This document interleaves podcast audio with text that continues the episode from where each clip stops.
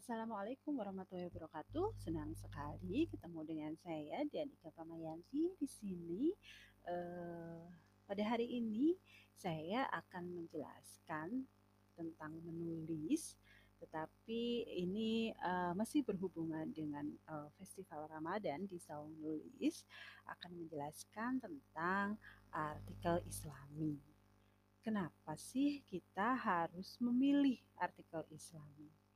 Sebelumnya, eh, saya akan menjelaskan tentang apa sih itu artikel. Mungkin sudah banyak yang mengerti, eh, sudah banyak yang tahu apa itu artikel. Artikel itu seperti tulisan narasi yang bercerita, begitu ya, seperti isai, tetapi ada penutupnya di paling belakang gitu ya penutup bagian penutupnya itu ada kesimpulan. Dan di situ biasanya ada sebuah statement yang menunjukkan bahwa e, menegaskan kembali bahwa apa yang sudah disampaikan pada pembukaan pada isi dari tulisan itu itu adalah sebuah kesimpulan. Atau kalau misalnya dia seolah-olah tulisannya memang berdasarkan dari penelitian itu harus ada problem solvingnya begitu.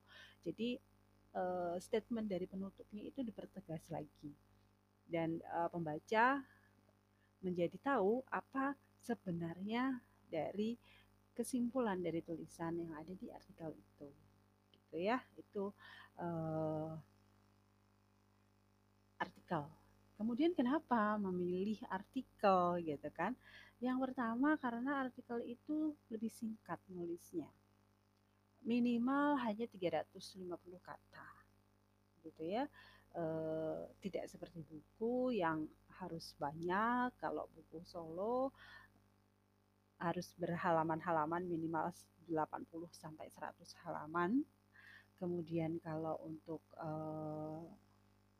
apa ya antologi biasanya empat uh, halaman empat minimal begitu jadi artikel itu lebih simple lebih cepat selesai karena cuma 350 kata minimalnya gitu yang keduanya uh, kita bisa lebih cepat untuk berbagi tulisan, berbagi ide dengan orang lain. Jadi uh, karena sedikit tadi ya, hanya 350 kata, soal suntingnya juga bisa dengan cepat selesai, nggak terlalu jelimet gitu kan. Menulisnya pun akan cepat selesai juga karena hanya 350 kata. Kemudian bisa mendapatkan hasil atau penghasilan langsung. Karena begitu kita mengirimkan tulisan kita yang berbentuk artikel di web-web uh, online begitu, itu kita akan mendapatkan jasa gitu ya dari hasil tulisan kita. Yang keempatnya bisa lebih cepat dikenal di berbagai media online gitu. Jadi eh, karena tulisan-tulisan kita setelah kita eh, terpampang tulisan kita di media online, kita bisa ambil linknya, kemudian bisa di-share di media sosial yang kita miliki, atau eh, memang banyak sekali orang-orang yang sudah sering rutin membaca media-media online di mana tulisan kita itu uh, terbit di situ ya seperti user news kemudian uh, detik.com kemudian taikatu dan sebagainya. Banyak ya selanjutnya apa saja sih yang perlu diperhatikan dalam membuat artikel gitu ya uh, dalam uh, membuat sebuah artikel itu seperti apa harusnya. Yang pertama tentu saja pilih tema kalau memang itu lagi booming, lagi tren, pilih tema yang memang lagi tren, tapi yang kita kuasai juga. Yang pertama harus tetap kita kuasai tema itu. Jadi eh, biasanya artikel-artikel ini karena simple, sederhana, diawali dari curhat curahan hati baik dari diri sendiri ataupun dari orang lain atau teman-teman kita gitu ya. Kemudian uh, atau mungkin di status uh, Facebook. Dan mungkin bisa jadi curhat-curhat itu konten-konten isi di status di Facebook di Instagram di WA itu menjadi trending pada saat ini, menjadi tren pada saat ini. Itu bisa dikemas lagi, dikemas ulang dengan bahasa yang mungkin agak baku ya, eh, dan sesuai dengan EYD tentunya. Tetapi ya bisa juga kalau tidak mau. Saya kalau pakai bahasa baku bukan gue banget deh, nggak masalah itu nanti di uh, pakai garis mir, uh, cetak miring begitu, tapi tidak terlalu banyak. Untuk dikirimkan ke media tertentu, masih tetap harus menggunakan eh, kata-kata uh, baku sesuai dengan KBBI dan juga uh, eh, EYD. Itu yang perlu diperhatikan ya. Uh, tetap walaupun uh, kita pengennya pakai bahasa slang sendiri, tapi tetap uh, harus menguasai bahasa bakunya. Yang keduanya adalah uh, ide apa sih, tulisan apa sih yang akan saya tulis menutrisi tulisan kita itu bahan bakarnya adalah dengan membaca. Jadi kalau dengan membaca dari artikel-artikel di media yang akan kita tuju nanti, kita akan tahu oh artikel ini atau media ini trennya menulis artikel seperti ini nih. seperti itu silahkan banyak-banyak membaca, kemudian gali, dan kemudian lakukan sedikit riset atau observasi seperti itu ya. Yang ketiganya mengetahui komponen dari e, sistematika artikel itu. Biasanya tulisan itu kan ada pembukaan, kemudian ada isi, dan juga ada penutupnya. Gitu ya. E, dari satu artikel itu terdapat tiga komponen penting. Yang pertama itu tadi pembukaan.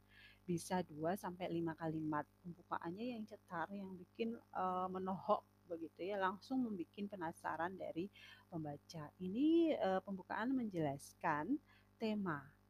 Tema yang akan kita angkat dalam tulisan itu. Gitu ya.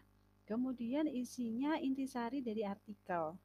Jadi kalau misalnya mau berupa poin-poin atau item, e, bisa juga disebutkan di situ solusinya apa. Masalahnya seperti ini, solusinya seperti apa. Atau misalnya tip dan trik gitu kan. Di judulnya juga sudah 7 tips dan trik agar kuat e, puasa di Ramadan e, di negara e, 14 jam puasanya gitu kan. Misalnya. Nah, jadi poin-poinnya seperti apa? Dan dibuatlah solusinya. Kemudian yang selanjutnya adalah penutup. Ini berupa kesimpulan tadi ya, berupa kesimpulan untuk menjelaskan bahwa tulisan kita di di pembukaan isi itu akan ada sebuah kesimpulan, penegasan ulang bahwa ini loh problemnya dan ini solvingnya, pemecahannya seperti itu ya. Oke, dan selanjutnya yang keempat itu e, membuat artikel itu e, baiknya sih listicle. Jadi berupa list item-item seperti tadi ya per poin gitu.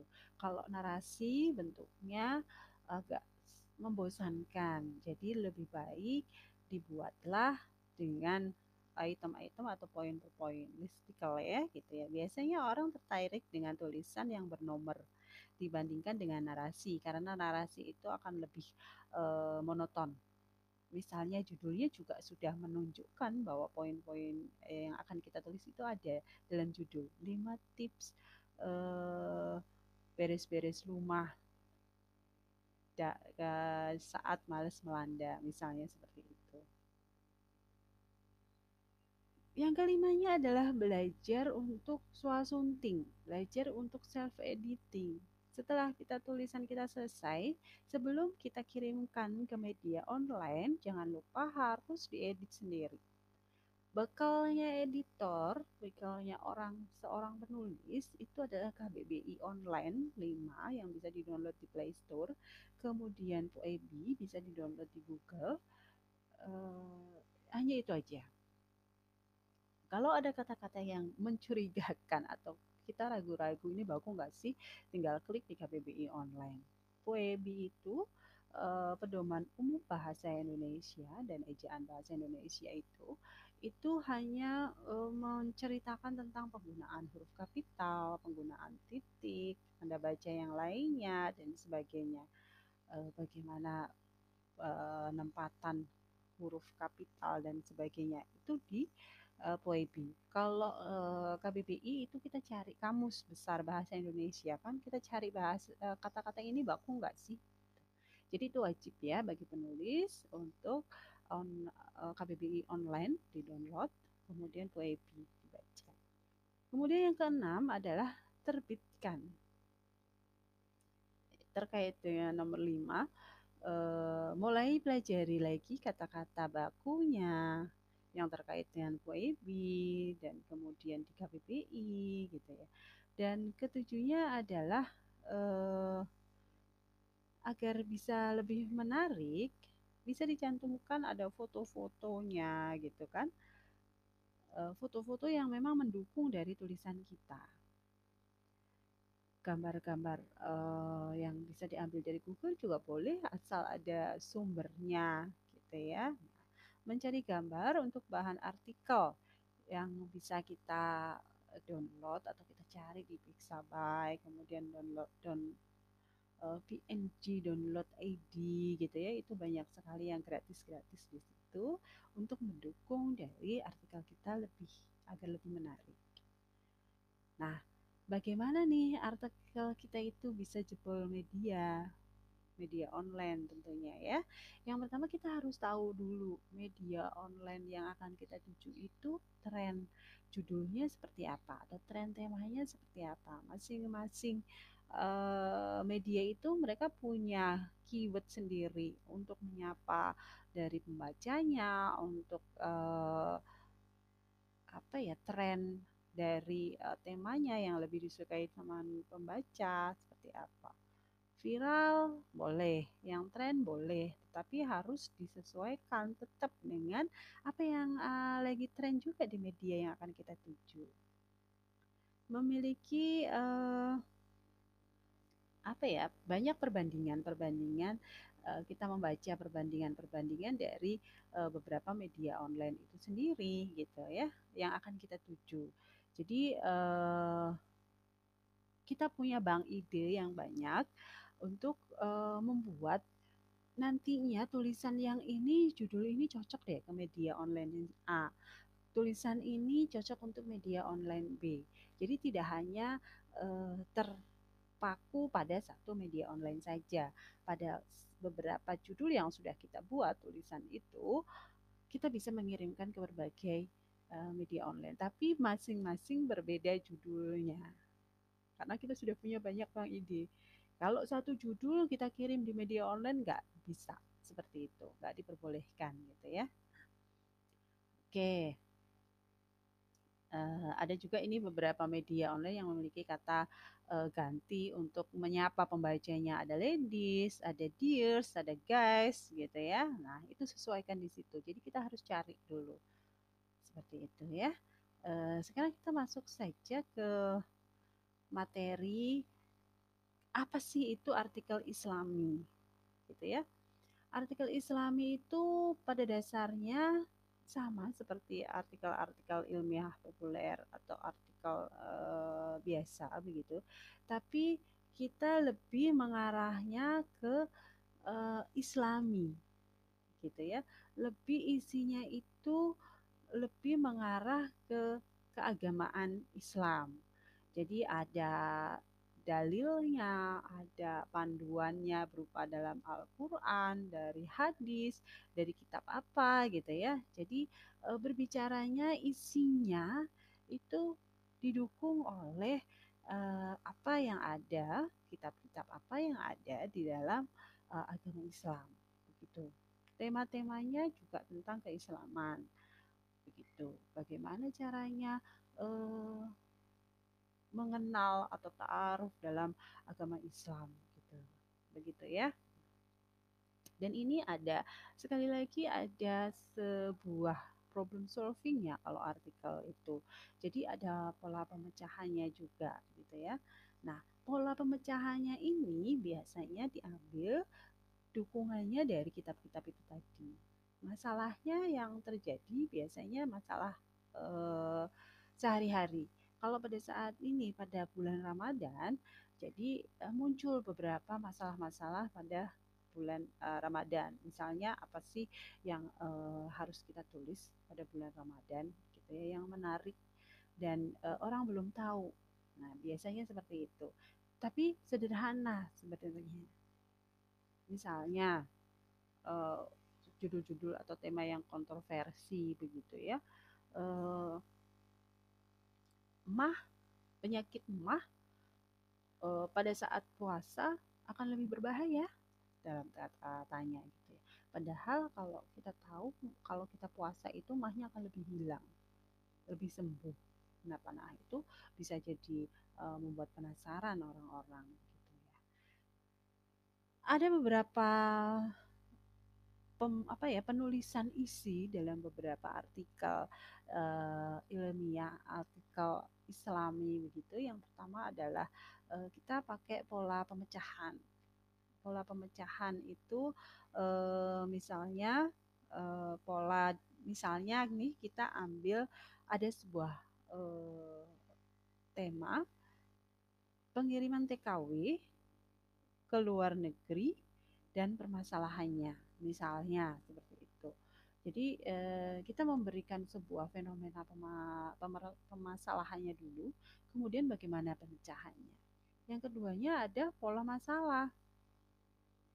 Ini uh, sebenarnya sama dengan uh, yang tadi, yang pertama pola pemecahan uh, itu hampir sama karena memang mengungkapkan ini loh masalahnya dan ini pemecahannya begitu. Tapi biasanya e, contoh temanya melawan e, arus mudik. Ah, ini kan lagi booming-boomingnya seperti itu. Tapi e, ini masalahnya. Apakah pemecahannya e, di situ benar-benar kita tidak mudik atau kita ikutin aturan-aturan mudiknya? Bagaimana itu? Itu bisa jadi kan menjadi sebuah tulisan yang saat ini diperlukan sama orang dan saat ini lagi tren gitu. Kemudian ada juga yang namanya pola kronologi. Pola kronologi itu kan e, menjabarkan sebuah peristiwa step by step gitu ya, satu demi satu e, peristiwa itu yang dilakukan itu apa nih gitu. E, misalnya nih uh, apa ya uh, tema yang ada hubungannya dengan kronologi? Uh, pemberontakan Moro di Filipina Selatan misalnya gitu kan. Ini hanya misalnya. Jadi atau sejarah perjuangan Islam di tanah Eropa misalnya. Itu kan ada tahun berapa uh, munculnya kerajaan apa tahun berapa tahun berapa. Nah itu kronologi step by step. Itu bisa diceritakan seperti itu. Kemudian pola pendapat dan alasan pemikiran.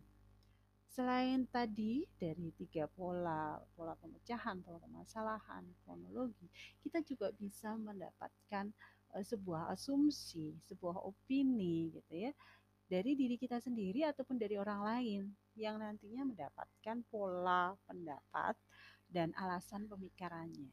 Jadi memang lebih ke opini, tapi opini itu lebih luas. Kalau opini eh, tulisan opini itu bentuknya adalah pure atau murni dari pendapat kita, argumentasi kita. Tapi kalau untuk artikel bisa saja kita ambil dari opini orang lain dan juga diri kita sendiri. Karena untuk uh, memunculkan masalah dan untuk mendapatkan problem solvingnya itu kita perlu uh, dukungan atau referensi dari berbagai macam. Itu artikel. Tapi kalau opini itu pure tulisan kita pure pendapat kita pemikiran kita. Gitu ya. Itu pola pendapat dan pola pemikiran. Kemudian ada juga pola perbandingan. Dibandingkan misalnya uh, untuk uh, kitab A dari pengarangnya si B gitu ya dan kitab C pengarangnya si D ini hampir sama membahas tentang puasa atau mungkin mazhab uh, mazhab uh, Hanafi, mazhab uh, Syafi'i, Hambali kita dibandingkan gitu. Kenapa ada mazhab-mazhab itu dan beberapa daerah berbeda-beda menggunakan mazhab-mazhab itu ada apa ini? Nah, dibanding-bandingkan boleh. Tetapi kalau perbandingan seperti itu hati-hati tidak menimbulkan uh, yang namanya kontroversi. Kalau menimbulkan kontroversi uh, sara, agama, biasanya akan ditolak oleh media. Jadi itu ya.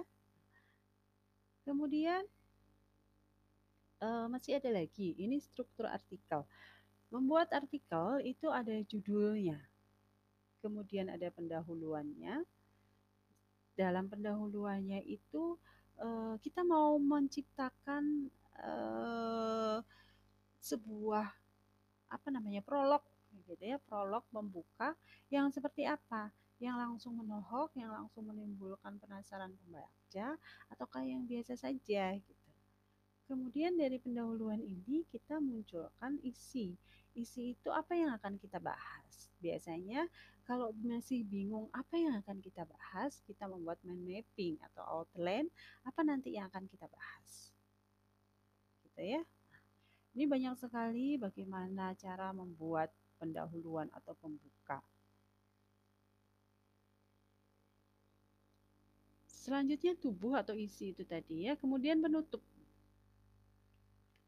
Penutup itu eh, kalau tubuh tadi atau isi itu gagasan, ide dari kita mau menggunakan pola apa, pola masalah, pola pemecahan, pola perbandingan, pola pendapat atau pemikiran, alasan pemikiran itu terserah kita. Kita mau seperti apa membuat uh, tulisan kita, berdasarkan apa.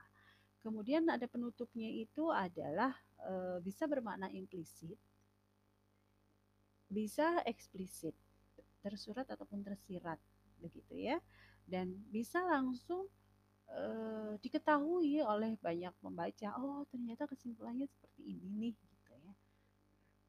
Kemudian ini ketentuan artikel islami apa sih yang harus ada di artikel islami itu? Menyampaikan kebenaran.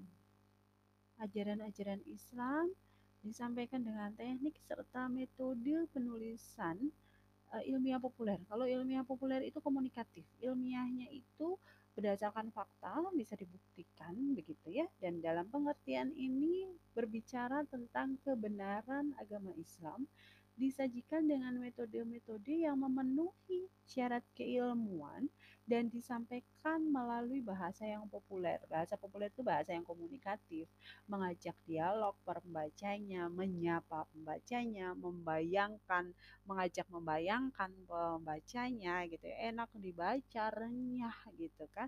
Itu itu artikel yang eh, enak dibaca di dalamnya berisi tentang kebenaran-kebenaran dari ajaran Islam. Kemudian menghindari kata-kata atau kalimat yang memperolok-olok atau mencela orang lain atau agama lain.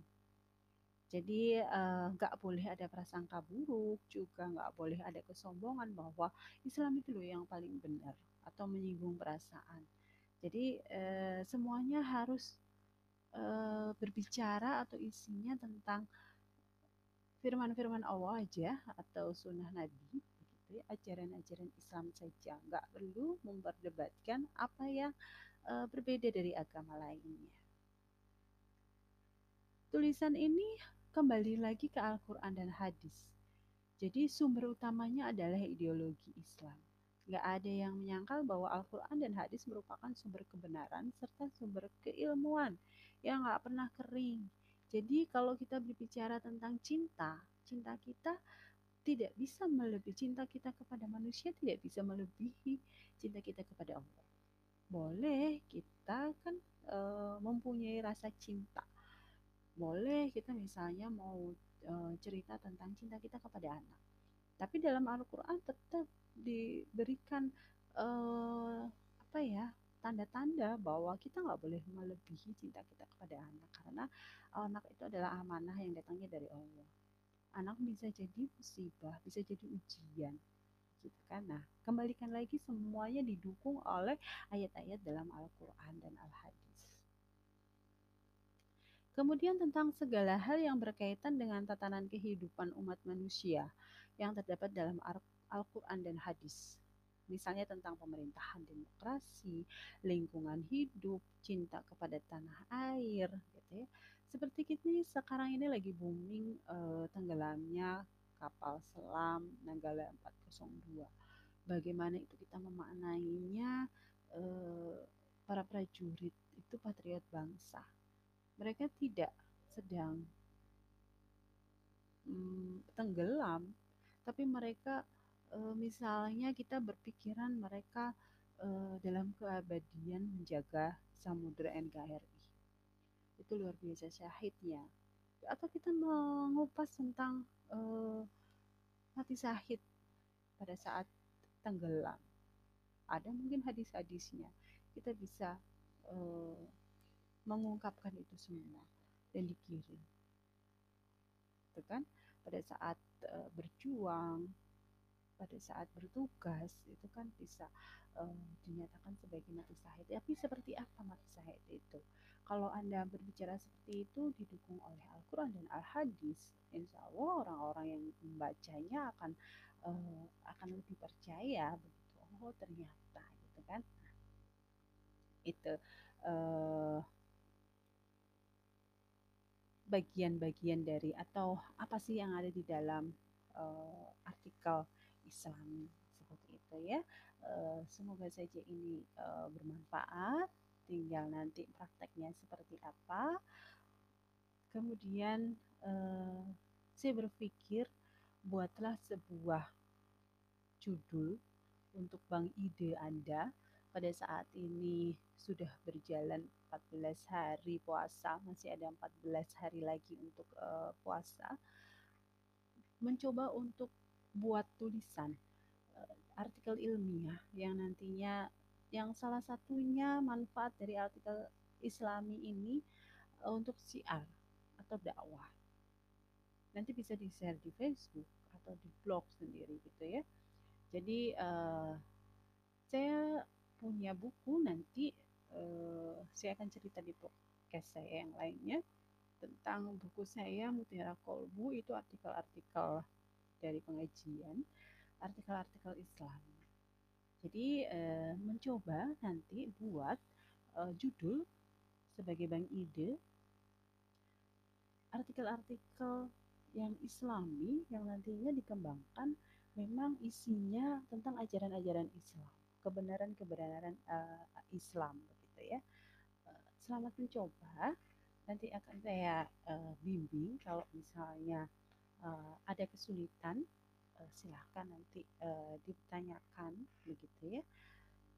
Kita nanti ada di saung nulis dan bagi beberapa orang yang belum uh, masuk di saung nulis nanti bisa hubungi saya ataupun uh, nanti admin dari saung nulis bisa dihubungi karena kita adalah sebuah komunitas menulis yang memang uh, aktif dan masih baru ya aktif untuk membuat sharing-sharing ilmu kepenulisan.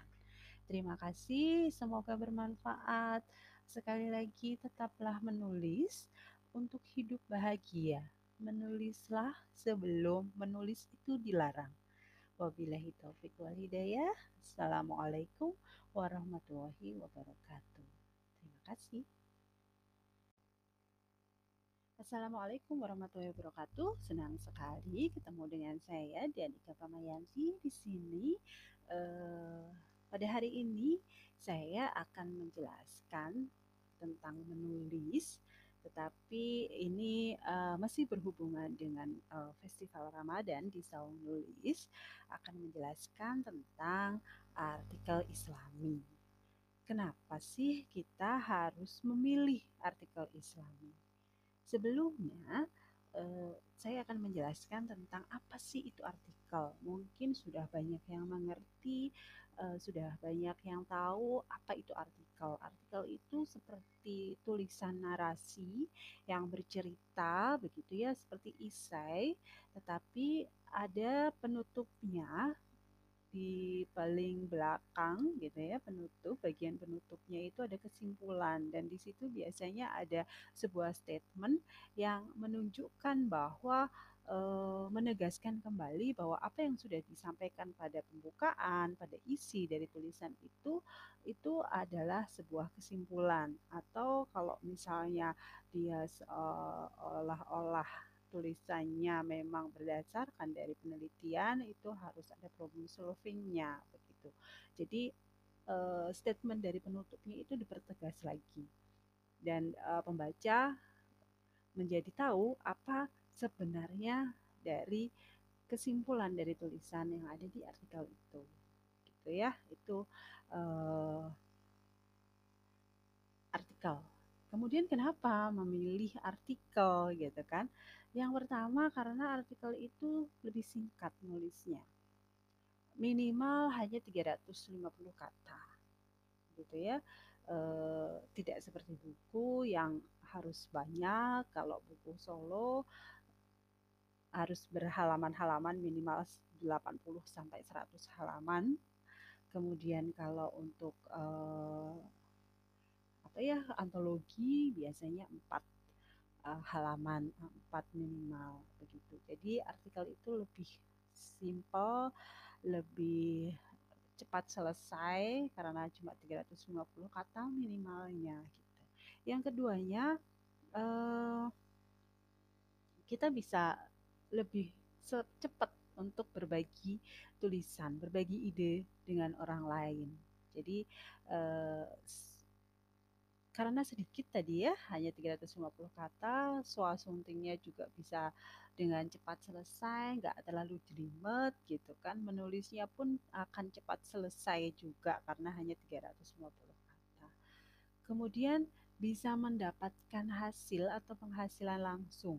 Karena begitu kita mengirimkan tulisan kita yang berbentuk artikel di web-web uh, online begitu, itu kita akan mendapatkan jasa gitu ya dari hasil tulisan kita. Yang keempatnya bisa lebih cepat dikenal di berbagai media online gitu. Jadi eh, karena tulisan-tulisan kita setelah kita eh, terpampang tulisan kita di media online, kita bisa ambil linknya, kemudian bisa di-share di media sosial yang kita miliki, atau eh, memang banyak sekali orang-orang yang sudah sering rutin membaca media-media online di mana tulisan kita itu uh, terbit di situ ya seperti user news kemudian uh, detik.com kemudian taikatu dan sebagainya. Banyak ya selanjutnya apa saja sih yang perlu diperhatikan dalam membuat artikel gitu ya uh, dalam uh, membuat sebuah artikel itu seperti apa harusnya. Yang pertama tentu saja pilih tema kalau memang itu lagi booming, lagi tren, pilih tema yang memang lagi tren, tapi yang kita kuasai juga. Yang pertama harus tetap kita kuasai tema itu. Jadi eh, biasanya artikel-artikel ini karena simple, sederhana, diawali dari curhat curahan hati baik dari diri sendiri ataupun dari orang lain atau teman-teman kita gitu ya. Kemudian uh, atau mungkin di status uh, Facebook.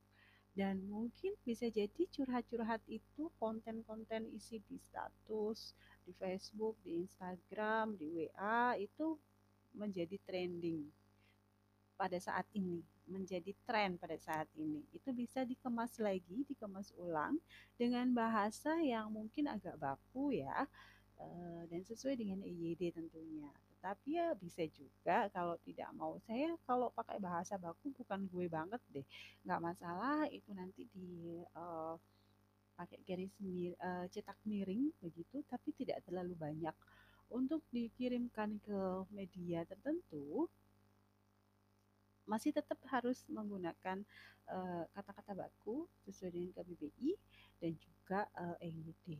Itu yang perlu diperhatikan ya. Uh, tetap walaupun uh, kita pengennya pakai bahasa slang sendiri tapi tetap uh, harus menguasai bahasa bakunya. Yang keduanya adalah uh, ide apa sih tulisan apa sih yang akan saya tulis menutrisi tulisan kita itu bahan bakarnya adalah dengan membaca. Jadi kalau dengan membaca dari artikel-artikel di media yang akan kita tuju nanti, kita akan tahu oh artikel ini atau media ini trennya menulis artikel seperti ini nih. Seperti itu. Silahkan banyak-banyak membaca, kemudian gali, dan kemudian lakukan sedikit riset atau observasi seperti itu ya. Yang ketiganya mengetahui komponen dari uh, sistematika artikel itu. Biasanya tulisan itu kan ada pembukaan, kemudian ada isi dan juga ada penutupnya. Gitu ya. E, dari satu artikel itu terdapat tiga komponen penting. Yang pertama itu tadi pembukaan. Bisa dua sampai lima kalimat. Pembukaannya yang cetar, yang bikin e, menohok begitu ya langsung membuat penasaran dari pembaca. Ini e, pembukaan menjelaskan tema tema yang akan kita angkat dalam tulisan itu. Gitu ya. Kemudian isinya intisari dari artikel. Jadi kalau misalnya mau berupa poin-poin atau item e, bisa juga disebutkan di situ solusinya apa. Masalahnya seperti ini solusinya seperti apa. Atau misalnya tip dan trik gitu kan. Di judulnya juga sudah tujuh tips dan trik agar kuat uh, puasa di Ramadan uh, di negara uh, 14 jam puasanya gitu kan misalnya. Nah jadi poin-poinnya seperti apa? Gitu. Dan dibuatlah solusinya.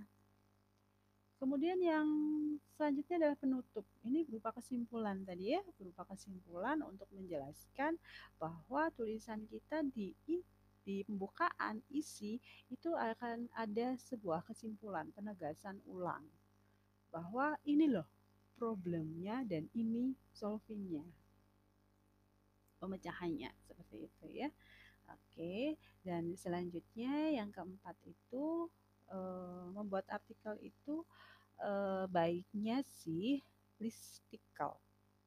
Jadi berupa list item-item seperti tadi ya per poin gitu.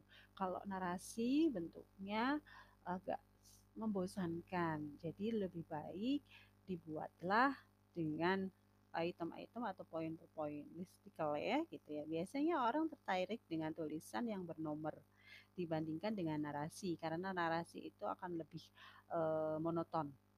Misalnya judulnya juga sudah menunjukkan bahwa poin-poin yang akan kita tulis itu ada dalam judul 5 tips beres-beres rumah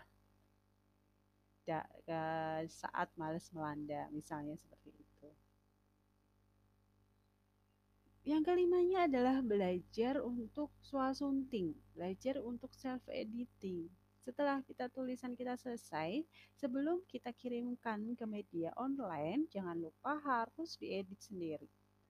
Bekalnya editor, bekalnya orang seorang penulis itu adalah KBBI Online 5 yang bisa di-download di Play Store. Kemudian POEBI bisa di-download di Google. Uh, hanya itu aja. Kalau ada kata-kata yang mencurigakan atau kita ragu-ragu ini bagus nggak sih tinggal klik di KBBI online PUEBI itu uh, pedoman umum bahasa Indonesia dan ejaan bahasa Indonesia itu itu hanya uh, menceritakan tentang penggunaan huruf kapital, penggunaan titik, tanda baca yang lainnya dan sebagainya. Uh, bagaimana penempatan huruf kapital dan sebagainya itu di uh, POEBI. Kalau uh, eh, KBBI itu kita cari kamus besar bahasa Indonesia kan kita cari bahasa uh, kata-kata ini baku nggak sih? Jadi itu wajib ya bagi penulis untuk on uh, KBBI online di download, kemudian POEBI dibaca. Kemudian yang keenam adalah terbitkan. Terkait dengan nomor lima, uh, mulai pelajari lagi kata-kata bakunya, yang terkait dengan PUIB dan kemudian di KPPI gitu ya. Dan ketujuhnya adalah eh, agar bisa lebih menarik, bisa dicantumkan ada foto-fotonya gitu kan. Eh, foto-foto yang memang mendukung dari tulisan kita. Gambar-gambar eh, yang bisa diambil dari Google juga boleh asal ada sumbernya gitu ya mencari gambar untuk bahan artikel yang bisa kita download atau kita cari di Pixabay, kemudian download down uh, PNG download ID gitu ya itu banyak sekali yang gratis-gratis di situ untuk mendukung dari artikel kita lebih agar lebih menarik. Nah, bagaimana nih artikel kita itu bisa jebol media? Media online tentunya ya. Yang pertama kita harus tahu dulu media online yang akan kita tuju itu tren judulnya seperti apa atau tren temanya seperti apa. Masing-masing uh, media itu mereka punya keyword sendiri untuk menyapa dari pembacanya, untuk uh, apa ya tren dari uh, temanya yang lebih disukai sama pembaca seperti apa. Viral boleh, yang tren boleh, tapi harus disesuaikan tetap dengan apa yang uh, lagi tren juga di media yang akan kita tuju. Memiliki uh, apa ya banyak perbandingan-perbandingan uh, kita membaca perbandingan-perbandingan dari beberapa media online itu sendiri gitu ya yang akan kita tuju. Jadi kita punya bank ide yang banyak untuk uh, membuat nantinya tulisan yang ini judul ini cocok deh ke media online A. Tulisan ini cocok untuk media online B. Jadi tidak hanya uh, terpaku pada satu media online saja. Pada beberapa judul yang sudah kita buat tulisan itu, kita bisa mengirimkan ke berbagai media online, tapi masing-masing berbeda judulnya. Karena kita sudah punya banyak bang ide. Kalau satu judul kita kirim di media online nggak bisa seperti itu, nggak diperbolehkan gitu ya. Oke. Uh, ada juga ini beberapa media online yang memiliki kata uh, ganti untuk menyapa pembacanya. Ada ladies, ada dears, ada guys gitu ya. Nah, itu sesuaikan di situ. Jadi kita harus cari dulu seperti itu ya. E, sekarang kita masuk saja ke materi apa sih itu artikel Islami, gitu ya. Artikel Islami itu pada dasarnya sama seperti artikel-artikel ilmiah populer atau artikel e, biasa begitu, tapi kita lebih mengarahnya ke e, Islami, gitu ya. Lebih isinya itu lebih mengarah ke keagamaan Islam. Jadi ada dalilnya, ada panduannya berupa dalam Al-Qur'an, dari hadis, dari kitab apa gitu ya. Jadi e, berbicaranya isinya itu didukung oleh e, apa yang ada, kitab-kitab apa yang ada di dalam e, agama Islam begitu. Tema-temanya juga tentang keislaman begitu. Bagaimana caranya mengenal atau ta'aruf dalam agama Islam gitu. Begitu ya. Dan ini ada sekali lagi ada sebuah problem solving ya kalau artikel itu. Jadi ada pola pemecahannya juga gitu ya. Nah, pola pemecahannya ini biasanya diambil dukungannya dari kitab-kitab itu tadi masalahnya yang terjadi biasanya masalah eh, sehari-hari. Kalau pada saat ini pada bulan Ramadan, jadi eh, muncul beberapa masalah-masalah pada bulan uh, Ramadan. Misalnya apa sih yang uh, harus kita tulis pada bulan Ramadan gitu ya yang menarik dan uh, orang belum tahu. Nah, biasanya seperti itu. Tapi sederhana sebenarnya. Misalnya uh, judul-judul atau tema yang kontroversi begitu ya. Uh, mah penyakit mah uh, pada saat puasa akan lebih berbahaya dalam tanya gitu ya. Padahal kalau kita tahu kalau kita puasa itu mahnya akan lebih hilang, lebih sembuh. Kenapa? Nah itu bisa jadi uh, membuat penasaran orang-orang gitu ya. Ada beberapa pem, apa ya penulisan isi dalam beberapa artikel uh, ilmiah, artikel Islami begitu. Yang pertama adalah uh, kita pakai pola pemecahan.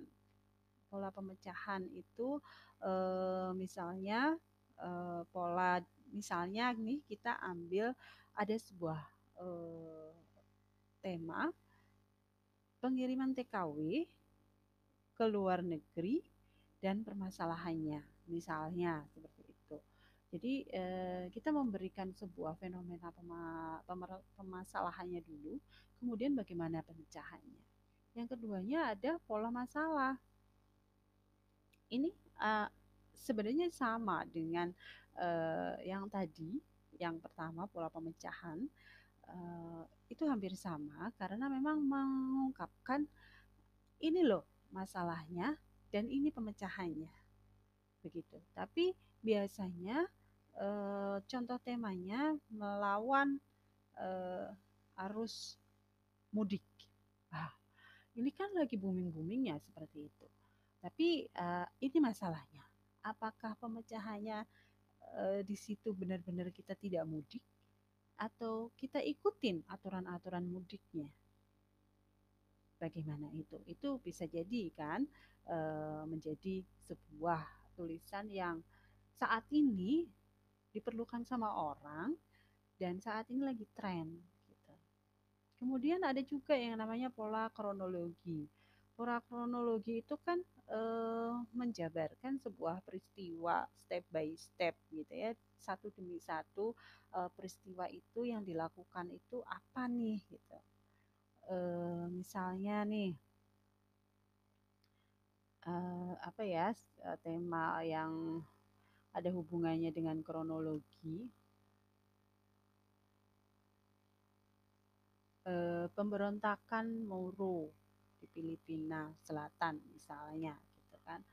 Ini hanya misalnya. Jadi atau sejarah perjuangan Islam di tanah Eropa misalnya. Itu kan ada tahun berapa uh, munculnya kerajaan apa tahun berapa tahun berapa. Nah itu kronologi step by step. Itu bisa diceritakan seperti itu.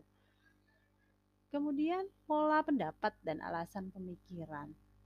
Selain tadi dari tiga pola pola pemecahan pola permasalahan kronologi kita juga bisa mendapatkan uh, sebuah asumsi sebuah opini gitu ya dari diri kita sendiri ataupun dari orang lain yang nantinya mendapatkan pola pendapat dan alasan pemikirannya. Jadi memang lebih ke opini, tapi opini itu lebih luas. Kalau opini eh, tulisan opini itu bentuknya adalah pure atau murni dari pendapat kita, argumentasi kita.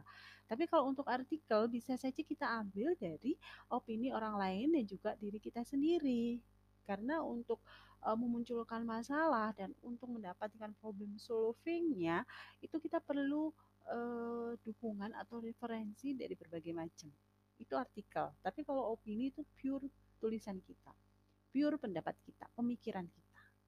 Gitu ya. Itu pola pendapat dan pola pemikiran. Kemudian ada juga pola perbandingan. Dibandingkan misalnya uh, untuk uh, kitab A dari pengarangnya si B gitu ya dan kitab C pengarangnya si D ini hampir sama membahas tentang puasa atau mungkin mazhab uh, mazhab uh, Hanafi, mazhab uh, Syafi'i, Hambali kita dibandingkan gitu. Kenapa ada mazhab-mazhab itu dan beberapa daerah berbeda-beda menggunakan mazhab-mazhab itu ada apa ini? Nah, dibanding-bandingkan boleh. Tetapi kalau perbandingan seperti itu hati-hati tidak menimbulkan uh, yang namanya kontroversi. Kalau menimbulkan kontroversi uh, sara, agama, biasanya akan ditolak oleh media. Jadi itu ya. Kemudian uh, masih ada lagi, ini struktur artikel. Membuat artikel itu ada judulnya kemudian ada pendahuluannya. Dalam pendahuluannya itu uh, kita mau menciptakan uh, sebuah apa namanya prolog gitu ya prolog membuka yang seperti apa? Yang langsung menohok yang langsung menimbulkan penasaran pembaca ataukah yang biasa saja gitu. Kemudian dari pendahuluan ini kita munculkan isi isi itu apa yang akan kita bahas biasanya kalau masih bingung apa yang akan kita bahas, kita membuat mind mapping atau outline apa nanti yang akan kita bahas. Gitu ya. Ini banyak sekali bagaimana cara membuat pendahuluan atau pembuka. Selanjutnya tubuh atau isi itu tadi ya, kemudian penutup. Penutup itu uh, kalau tubuh tadi atau isi itu gagasan, ide dari kita mau menggunakan pola apa. Pola masalah, pola pemecahan, pola perbandingan, pola pendapat atau pemikiran, alasan pemikiran. Itu terserah kita. Kita mau seperti apa membuat uh, tulisan kita, berdasarkan apa. Kemudian ada penutupnya itu adalah e, bisa bermakna implisit, bisa eksplisit, tersurat ataupun tersirat, begitu ya. Dan bisa langsung e, diketahui oleh banyak pembaca, oh ternyata kesimpulannya seperti ini nih, gitu ya. Kemudian ini, ketentuan artikel islami, apa sih yang harus ada di artikel islami itu? Menyampaikan kebenaran, ajaran-ajaran Islam disampaikan dengan teknik serta metode penulisan uh, ilmiah populer. Kalau ilmiah populer itu komunikatif, ilmiahnya itu berdasarkan fakta bisa dibuktikan begitu ya. Dan dalam pengertian ini berbicara tentang kebenaran agama Islam disajikan dengan metode-metode yang memenuhi syarat keilmuan dan disampaikan melalui bahasa yang populer. Bahasa populer itu bahasa yang komunikatif, mengajak dialog pembacanya, menyapa pembacanya, membayangkan, mengajak membayangkan pembacanya gitu ya. Enak dibaca, renyah gitu kan. Itu itu artikel yang eh, enak dibaca di dalamnya berisi tentang kebenaran-kebenaran dari ajaran Islam. Kemudian menghindari kata-kata atau kalimat yang memperolok-olok atau mencela orang lain atau agama lain. Jadi eh, nggak uh, boleh ada prasangka buruk, juga nggak boleh ada kesombongan bahwa Islam itu loh yang paling benar atau menyinggung perasaan. Jadi uh, semuanya harus uh, berbicara atau isinya tentang firman-firman Allah aja atau sunnah Nabi ya ajaran-ajaran Islam saja. Nggak perlu memperdebatkan apa yang uh, berbeda dari agama lainnya. Tulisan ini kembali lagi ke Al-Quran dan hadis. Jadi sumber utamanya adalah ideologi Islam. Nggak ada yang menyangkal bahwa Al-Quran dan hadis merupakan sumber kebenaran serta sumber keilmuan yang nggak pernah kering. Jadi kalau kita berbicara tentang cinta, cinta kita tidak bisa melebihi cinta kita kepada manusia tidak bisa melebihi cinta kita kepada Allah. Boleh kita kan e, mempunyai rasa cinta. Boleh kita misalnya mau e, cerita tentang cinta kita kepada anak. Tapi dalam Al-Qur'an tetap diberikan e, apa ya? tanda-tanda bahwa kita nggak boleh melebihi cinta kita kepada anak karena anak itu adalah amanah yang datangnya dari Allah anak bisa jadi musibah bisa jadi ujian gitu kan? Nah kembalikan lagi semuanya didukung oleh ayat-ayat dalam Al-Quran dan Al-Hadis. Kemudian tentang segala hal yang berkaitan dengan tatanan kehidupan umat manusia yang terdapat dalam Al-Quran dan Hadis. Misalnya tentang pemerintahan demokrasi, lingkungan hidup, cinta kepada tanah air, gitu ya. Seperti kita sekarang ini lagi booming uh, tenggelamnya kapal selam Nanggala 402. Bagaimana itu kita memaknainya uh, para prajurit itu patriot bangsa. Mereka tidak sedang um, tenggelam, tapi mereka e, misalnya kita berpikiran mereka e, dalam keabadian menjaga samudera NKRI itu luar biasa syahidnya atau kita mengupas tentang e, mati syahid pada saat tenggelam. Ada mungkin hadis-hadisnya. Kita bisa e, mengungkapkan itu semua dan dikirim. Itu kan? Pada saat e, berjuang pada saat bertugas itu kan bisa um, dinyatakan sebagai mati syahid. Tapi seperti apa mati syahid itu? Kalau Anda berbicara seperti itu didukung oleh Al-Quran dan Al-Hadis, insya Allah orang-orang yang membacanya akan uh, akan lebih percaya begitu. Oh ternyata gitu kan. Itu uh,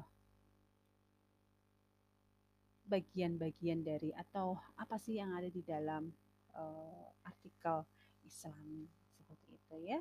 Uh, semoga saja ini uh, bermanfaat. Tinggal nanti prakteknya seperti apa.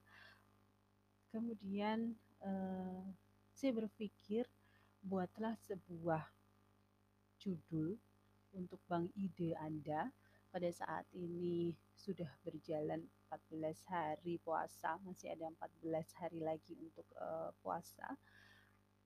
Mencoba untuk buat tulisan uh, artikel ilmiah yang nantinya yang salah satunya manfaat dari artikel Islami ini uh, untuk siar atau dakwah.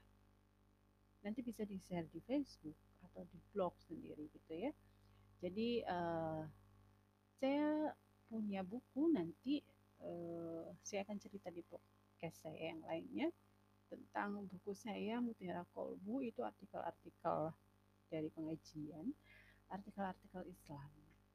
Jadi uh, mencoba nanti buat uh, judul sebagai bank ide artikel-artikel yang islami yang nantinya dikembangkan memang isinya tentang ajaran-ajaran Islam, kebenaran-kebenaran uh, Islam begitu ya. Selamat mencoba. Nanti akan saya uh, bimbing kalau misalnya uh, ada kesulitan uh, silahkan nanti uh, ditanyakan begitu ya. Kita nanti ada di saung nulis dan bagi beberapa orang yang belum uh, masuk di saung nulis nanti bisa hubungi saya ataupun uh, nanti admin dari saung nulis bisa dihubungi karena kita adalah sebuah komunitas menulis yang memang uh, aktif dan masih baru ya aktif untuk membuat sharing-sharing ilmu kepenulisan. Terima kasih, semoga bermanfaat. Sekali lagi tetaplah menulis untuk hidup bahagia menulislah sebelum menulis itu dilarang. Wabillahi taufik wal hidayah. Assalamualaikum warahmatullahi wabarakatuh. Terima kasih. Assalamualaikum warahmatullahi wabarakatuh. Senang sekali ketemu dengan saya Dianika Pamayanti di sini. Uh, pada hari ini saya akan menjelaskan tentang menulis tetapi ini uh, masih berhubungan dengan uh, festival Ramadan di Saung Nulis akan menjelaskan tentang artikel Islami. Kenapa sih kita harus memilih artikel Islami? Sebelumnya uh, saya akan menjelaskan tentang apa sih itu artikel. Mungkin sudah banyak yang mengerti uh, sudah banyak yang tahu apa itu artikel. Artikel itu seperti tulisan narasi yang bercerita begitu ya, seperti isai, tetapi ada penutupnya di paling belakang gitu ya penutup bagian penutupnya itu ada kesimpulan. Dan di situ biasanya ada sebuah statement yang menunjukkan bahwa e, menegaskan kembali bahwa apa yang sudah disampaikan pada pembukaan, pada isi dari tulisan itu itu adalah sebuah kesimpulan. Atau kalau misalnya dia seolah-olah tulisannya memang berdasarkan dari penelitian itu harus ada problem solvingnya begitu. Jadi uh, statement dari penutupnya itu dipertegas lagi. Dan uh, pembaca menjadi tahu apa sebenarnya dari kesimpulan dari tulisan yang ada di artikel itu gitu ya. Itu uh, artikel kemudian kenapa memilih artikel gitu kan? Yang pertama karena artikel itu lebih singkat nulisnya. Minimal hanya 350 kata gitu ya. E, tidak seperti buku yang harus banyak. Kalau buku solo harus berhalaman-halaman minimal 80 sampai 100 halaman. Kemudian kalau untuk uh, apa ya antologi biasanya 4 uh, eh, halaman, 4 minimal begitu. Jadi artikel itu lebih simple, lebih cepat selesai karena cuma 350 kata minimalnya gitu.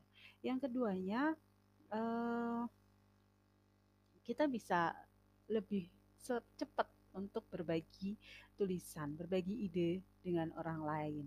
Jadi eh, karena sedikit tadi ya, hanya 350 kata, soal suntingnya juga bisa dengan cepat selesai, nggak terlalu jelimet gitu kan. Menulisnya pun akan cepat selesai juga karena hanya 350 kata.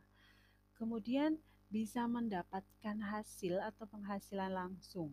Karena begitu kita mengirimkan tulisan kita yang berbentuk artikel di web-web uh, online begitu, itu kita akan mendapatkan jasa gitu ya dari hasil tulisan kita. Yang keempatnya bisa lebih cepat dikenal di berbagai media online gitu.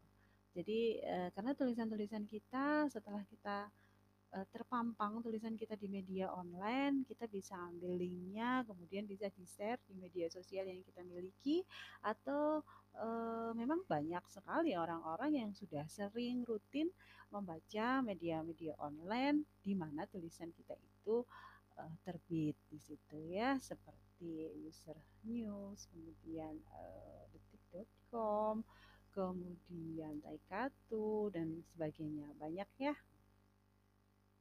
Selanjutnya, apa saja sih yang perlu diperhatikan dalam membuat artikel gitu ya?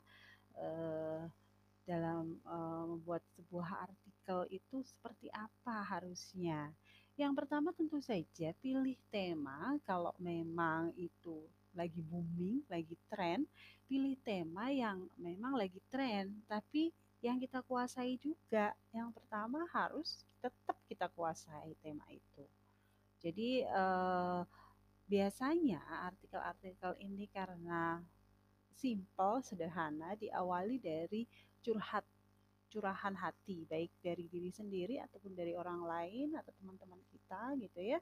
Kemudian eh, atau mungkin di status eh, Facebook dan mungkin bisa jadi curhat-curhat itu konten-konten isi di status di Facebook, di Instagram, di WA itu menjadi trending pada saat ini, menjadi tren pada saat ini. Itu bisa dikemas lagi, dikemas ulang dengan bahasa yang mungkin agak baku ya, eh, dan sesuai dengan EYD tentunya. Tetapi ya bisa juga kalau tidak mau saya kalau pakai bahasa baku bukan gue banget deh, nggak masalah itu nanti di uh, pakai garis mir, uh, cetak miring begitu, tapi tidak terlalu banyak untuk dikirimkan ke media tertentu masih tetap harus menggunakan eh, kata-kata uh, baku sesuai dengan KBBI dan juga uh, eh, EYD. Itu yang perlu diperhatikan ya. Uh, tetap walaupun uh, kita pengennya pakai bahasa slang sendiri tapi tetap uh, harus menguasai bahasa bakunya. Yang keduanya adalah uh, ide apa sih tulisan apa sih yang akan saya tulis? Menutrisi tulisan kita itu bahan bakarnya adalah dengan membaca. Jadi kalau dengan membaca dari artikel-artikel di media yang akan kita tuju nanti, kita akan tahu oh artikel ini atau media ini trennya menulis artikel seperti ini nih. seperti itu silahkan banyak-banyak membaca, kemudian gali, dan kemudian lakukan sedikit riset atau observasi seperti itu ya. Yang ketiganya mengetahui komponen dari e, sistematika artikel itu. Biasanya tulisan itu kan ada pembukaan, kemudian ada isi, dan juga ada penutupnya, gitu ya. E, dari satu artikel itu terdapat tiga komponen penting. Yang pertama itu tadi pembukaan.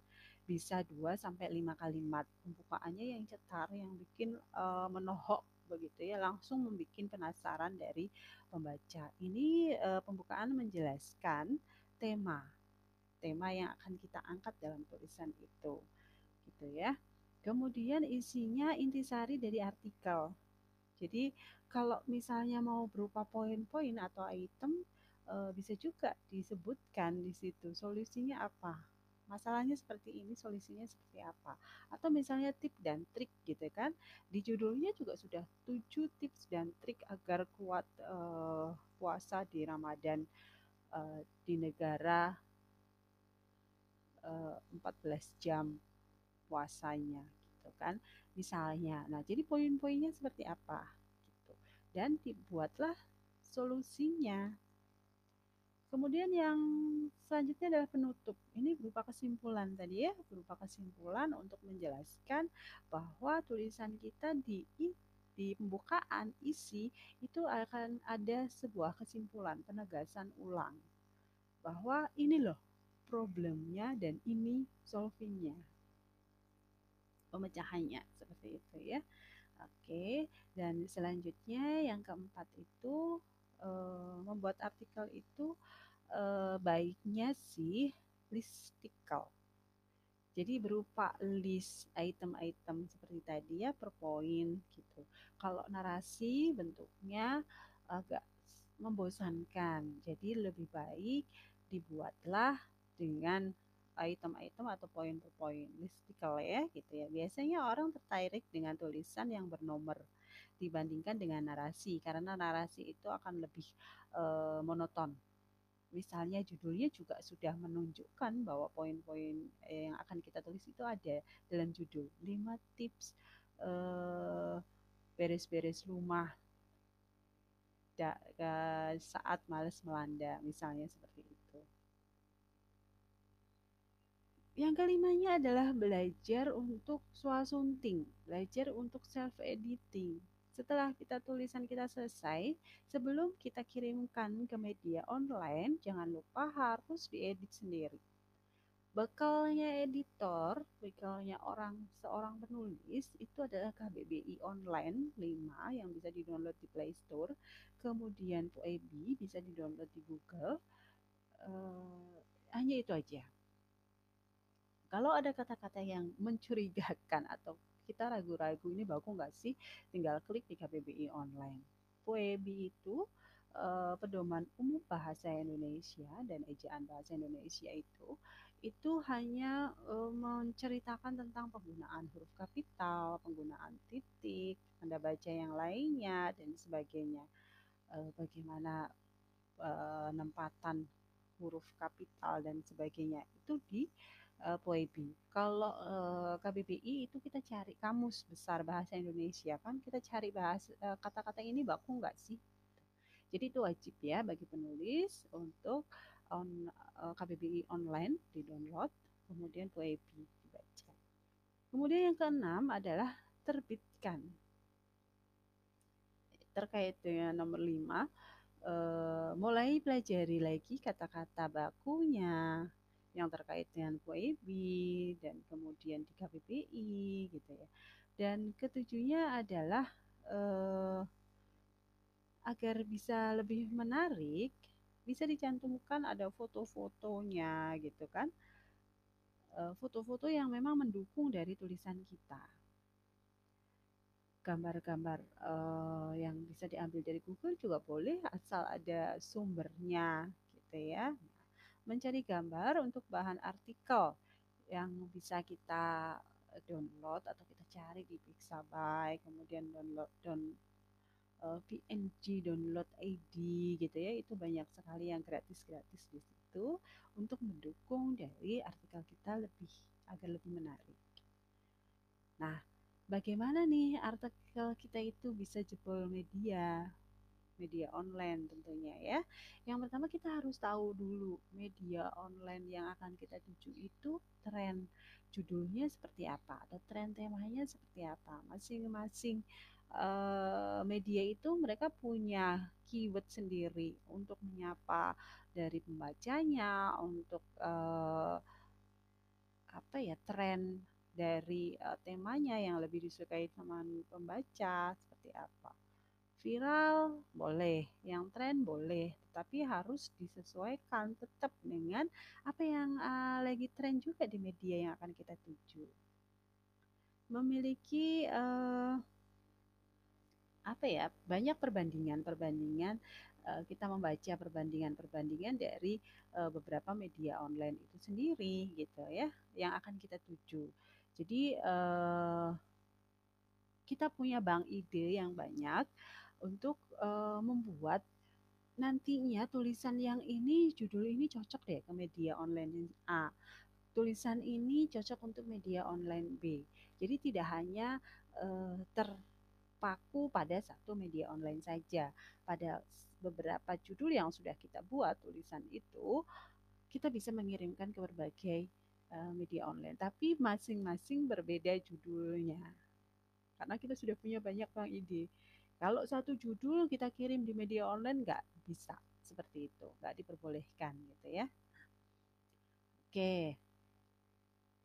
Uh, ada juga ini beberapa media online yang memiliki kata uh, ganti untuk menyapa pembacanya. Ada ladies, ada dears, ada guys gitu ya. Nah, itu sesuaikan di situ. Jadi kita harus cari dulu. Seperti itu ya. Uh, sekarang kita masuk saja ke materi apa sih itu artikel islami? Gitu ya. Artikel islami itu pada dasarnya sama seperti artikel-artikel ilmiah populer atau artikel uh, biasa begitu. Tapi kita lebih mengarahnya ke uh, islami gitu ya. Lebih isinya itu lebih mengarah ke keagamaan Islam.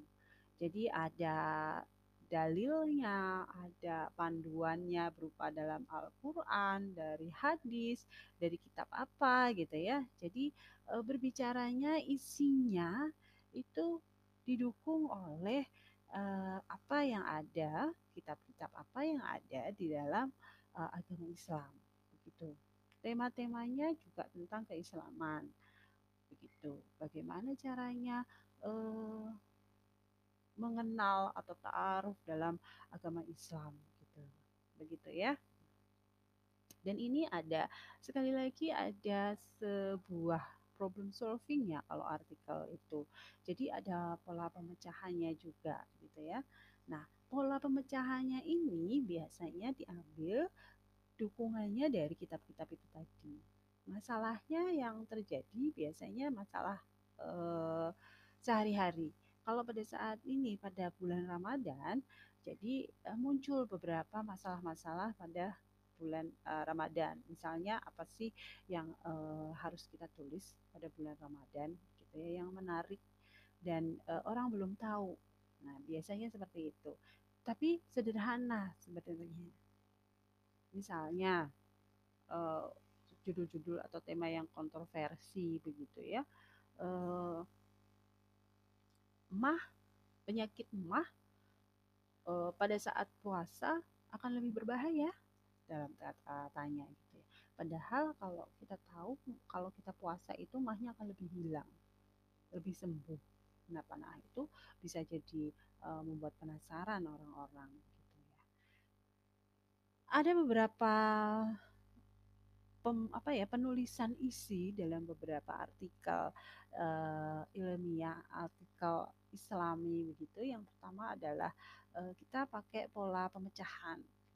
Pola pemecahan itu uh, misalnya uh, pola misalnya nih kita ambil ada sebuah uh, tema pengiriman TKW ke luar negeri dan permasalahannya misalnya seperti itu. Jadi eh, kita memberikan sebuah fenomena pema, pemasalahannya dulu, kemudian bagaimana pemecahannya. Yang keduanya ada pola masalah. Ini uh, sebenarnya sama dengan uh, yang tadi, yang pertama pola pemecahan uh, itu hampir sama karena memang mengungkapkan ini loh masalahnya dan ini pemecahannya begitu. Tapi biasanya e, contoh temanya melawan e, arus mudik. Ah, ini kan lagi booming-boomingnya seperti itu. Tapi e, ini masalahnya. Apakah pemecahannya e, di situ benar-benar kita tidak mudik atau kita ikutin aturan-aturan mudiknya? Bagaimana itu? Itu bisa jadi kan menjadi sebuah tulisan yang saat ini diperlukan sama orang dan saat ini lagi tren gitu. Kemudian ada juga yang namanya pola kronologi.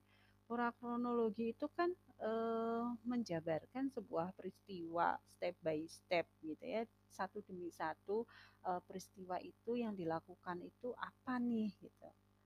Eh, misalnya nih eh, apa ya eh, tema yang ada hubungannya dengan kronologi. Eh, pemberontakan Moro di Filipina Selatan misalnya gitu kan.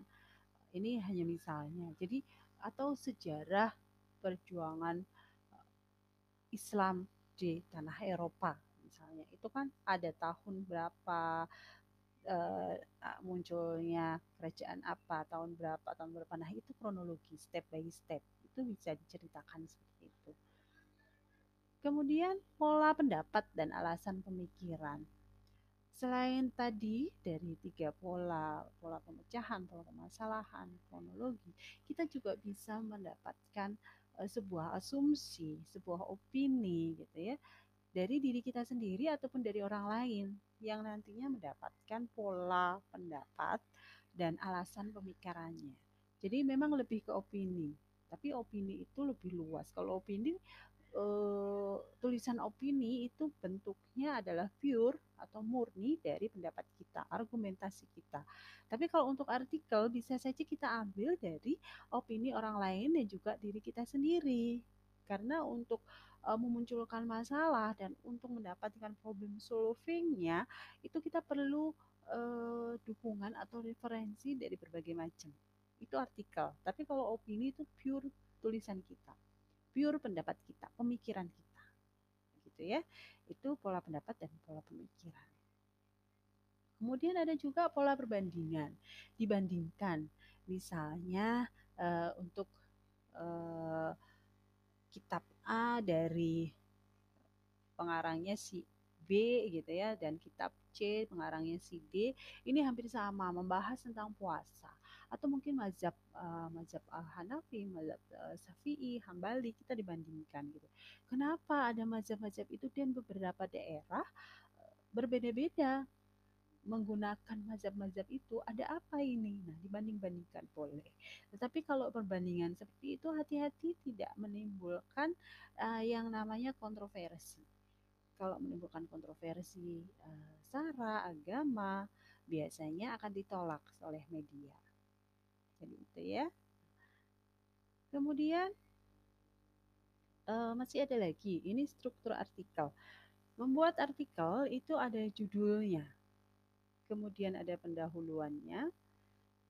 Dalam pendahuluannya itu uh, kita mau menciptakan uh, sebuah apa namanya prolog gitu ya prolog membuka yang seperti apa yang langsung menohok, yang langsung menimbulkan penasaran pembaca, ataukah yang biasa saja gitu. Kemudian dari pendahuluan ini kita munculkan isi. Isi itu apa yang akan kita bahas. Biasanya kalau masih bingung apa yang akan kita bahas, kita membuat mind mapping atau outline apa nanti yang akan kita bahas. Gitu ya. Ini banyak sekali bagaimana cara membuat pendahuluan atau pembuka. Selanjutnya tubuh atau isi itu tadi ya. Kemudian penutup. Penutup itu uh, kalau tubuh tadi atau isi itu gagasan, ide dari kita mau menggunakan pola apa. Pola masalah, pola pemecahan, pola perbandingan, pola pendapat atau pemikiran, alasan pemikiran. Itu terserah kita.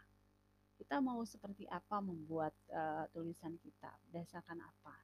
Kemudian ada penutupnya itu adalah e, bisa bermakna implisit, bisa eksplisit, tersurat ataupun tersirat, begitu ya. Dan bisa langsung e, diketahui oleh banyak pembaca, oh ternyata kesimpulannya seperti ini nih, gitu ya. Kemudian ini, ketentuan artikel islami, apa sih yang harus ada di artikel islami itu? Menyampaikan kebenaran, ajaran-ajaran Islam disampaikan dengan teknik serta metode penulisan ilmiah populer. Kalau ilmiah populer itu komunikatif, ilmiahnya itu berdasarkan fakta bisa dibuktikan begitu ya. Dan dalam pengertian ini berbicara tentang kebenaran agama Islam disajikan dengan metode-metode yang memenuhi syarat keilmuan dan disampaikan melalui bahasa yang populer. Bahasa populer itu bahasa yang komunikatif, mengajak dialog pembacanya, menyapa pembacanya, membayangkan, mengajak membayangkan pembacanya gitu ya. Enak dibaca, renyah gitu kan. Itu itu artikel yang eh, enak dibaca di dalamnya berisi tentang kebenaran-kebenaran dari ajaran Islam. Kemudian menghindari kata-kata atau kalimat yang memperolok-olok atau mencela orang lain atau agama lain. Jadi eh, nggak uh, boleh ada prasangka buruk, juga nggak boleh ada kesombongan bahwa Islam itu loh yang paling benar atau menyinggung perasaan. Jadi uh, semuanya harus uh, berbicara atau isinya tentang firman-firman Allah aja atau sunnah Nabi ajaran-ajaran Islam saja. Nggak perlu memperdebatkan apa yang uh, berbeda dari agama lainnya. Tulisan ini kembali lagi ke Al-Quran dan hadis. Jadi sumber utamanya adalah ideologi Islam. Nggak ada yang menyangkal bahwa Al-Quran dan hadis merupakan sumber kebenaran serta sumber keilmuan yang nggak pernah kering. Jadi kalau kita berbicara tentang cinta, cinta kita tidak bisa melebihi cinta kita kepada manusia tidak bisa melebihi cinta kita kepada Allah. Boleh kita kan e, mempunyai rasa cinta. Boleh kita misalnya mau e, cerita tentang cinta kita kepada anak. Tapi dalam Al-Qur'an tetap diberikan e, apa ya? tanda-tanda bahwa kita nggak boleh melebihi cinta kita kepada anak karena anak itu adalah amanah yang datangnya dari Allah. Anak bisa jadi musibah, bisa jadi ujian, gitu kan? Nah, kembalikan lagi semuanya didukung oleh ayat-ayat dalam Al-Quran dan Al-Hadis. Kemudian tentang segala hal yang berkaitan dengan tatanan kehidupan umat manusia yang terdapat dalam Al-Quran dan Hadis misalnya tentang pemerintahan demokrasi, lingkungan hidup, cinta kepada tanah air, gitu ya. Seperti kita sekarang ini lagi booming eh, tenggelamnya kapal selam Nanggala 402. Bagaimana itu kita memaknainya eh, para prajurit itu patriot bangsa. Mereka tidak sedang hmm, tenggelam, tapi mereka uh, misalnya kita berpikiran mereka uh, dalam keabadian menjaga Samudra NKRI. Itu luar biasa syahidnya. Atau kita mengupas tentang uh, mati syahid pada saat tenggelam. Ada mungkin hadis-hadisnya. Kita bisa uh, mengungkapkan itu semua dan dikirim. Itu kan pada saat uh, berjuang pada saat bertugas itu kan bisa um, dinyatakan sebagai mati syahid. Tapi seperti apa mati syahid itu? Kalau Anda berbicara seperti itu didukung oleh Al-Quran dan Al-Hadis, insya Allah orang-orang yang membacanya akan uh, akan lebih percaya begitu. Oh ternyata gitu kan. Itu uh, bagian-bagian dari atau apa sih yang ada di dalam uh, artikel Islam seperti itu ya. Uh, semoga saja ini uh, bermanfaat. Tinggal nanti prakteknya seperti apa. Kemudian uh, saya berpikir buatlah sebuah judul untuk bank ide Anda pada saat ini sudah berjalan 14 hari puasa, masih ada 14 hari lagi untuk uh, puasa. Mencoba untuk buat tulisan uh, artikel ilmiah yang nantinya yang salah satunya manfaat dari artikel Islami ini uh, untuk siar atau dakwah. Nanti bisa di-share di Facebook atau di blog sendiri gitu ya. Jadi uh, saya punya buku nanti uh, saya akan cerita di podcast saya yang lainnya tentang buku saya Mutiara Kolbu itu artikel-artikel dari pengajian artikel-artikel Islam. Jadi eh, mencoba nanti buat eh, judul sebagai bank ide artikel-artikel yang islami yang nantinya dikembangkan memang isinya tentang ajaran-ajaran Islam, kebenaran-kebenaran uh, Islam begitu ya. Uh, selamat mencoba. Nanti akan saya uh, bimbing kalau misalnya uh, ada kesulitan uh, silahkan nanti uh, ditanyakan begitu ya. Kita nanti ada di saung nulis dan bagi beberapa orang yang belum uh, masuk di saung nulis nanti bisa hubungi saya ataupun uh, nanti admin dari Saung Nulis bisa dihubungi karena kita adalah sebuah komunitas menulis yang memang uh, aktif dan masih baru ya aktif untuk membuat sharing-sharing ilmu kepenulisan. Terima kasih, semoga bermanfaat. Sekali lagi tetaplah menulis untuk hidup bahagia. Menulislah sebelum menulis itu dilarang. Wabillahi taufik wal hidayah. Assalamualaikum warahmatullahi wabarakatuh. Terima kasih.